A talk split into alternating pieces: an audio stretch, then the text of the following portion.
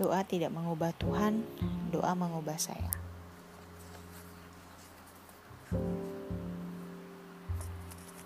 Saya merasa sepertinya hanya mengucapkan hal-hal yang sama berulang kali. Apa gunanya jika Tuhan tahu apa yang akan terjadi? Bagaimana saya tahu apa yang harus saya doakan? Saya jadi bosan. Setelah bertahun-tahun berusaha menjadi sempurna, saya mengerti bahwa Tuhan tidak mencari kesempurnaan kita. Ia merindukan kehadiran kita.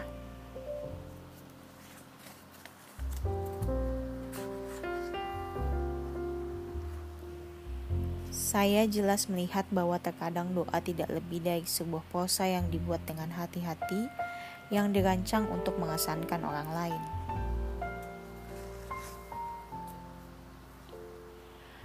Mulai saja berbicara, Tuhan mendengarkan.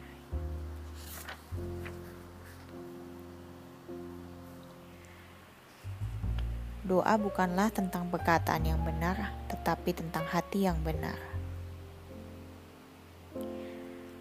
Sekalipun Anda tidak tahu apa yang harus dikatakan, berbicara saja kepada Tuhan. Ia mendengarkan.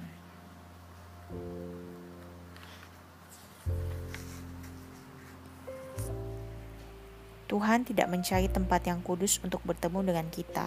Oleh karena Yesus, kita adalah tempat yang kudus dan Tuhan selalu menunggu untuk bertemu kita di mana pun kita berada.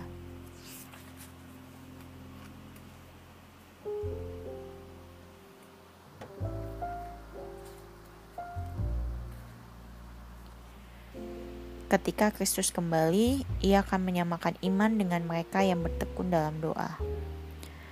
Jenis kehidupan doa ini bukan berdasarkan hasil, tetapi berdasarkan iman di dalam Kristus.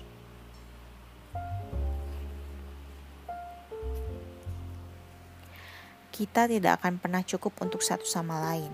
Hati manusia begitu rumit, begitu dalam, dan luka-luka dari masa lalu bisa muncul pada waktu yang paling tidak terduga dan menyeret kita turun. Tetapi Yesus selalu lebih dari cukup.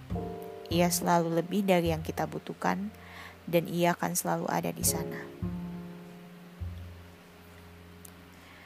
Ketika kita ingin berhenti berdoa, kita seharusnya membawa seluruh diri kita kepada Kristus dan tidak menyerah.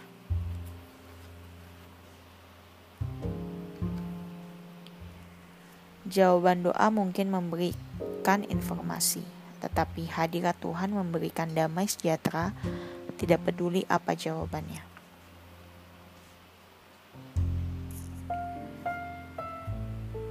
Jika Kristus memohon untuk dilepaskan dari apa yang ada di depan, mengapa kita pikir kita kurang iman ketika kita mendoakan yang sama?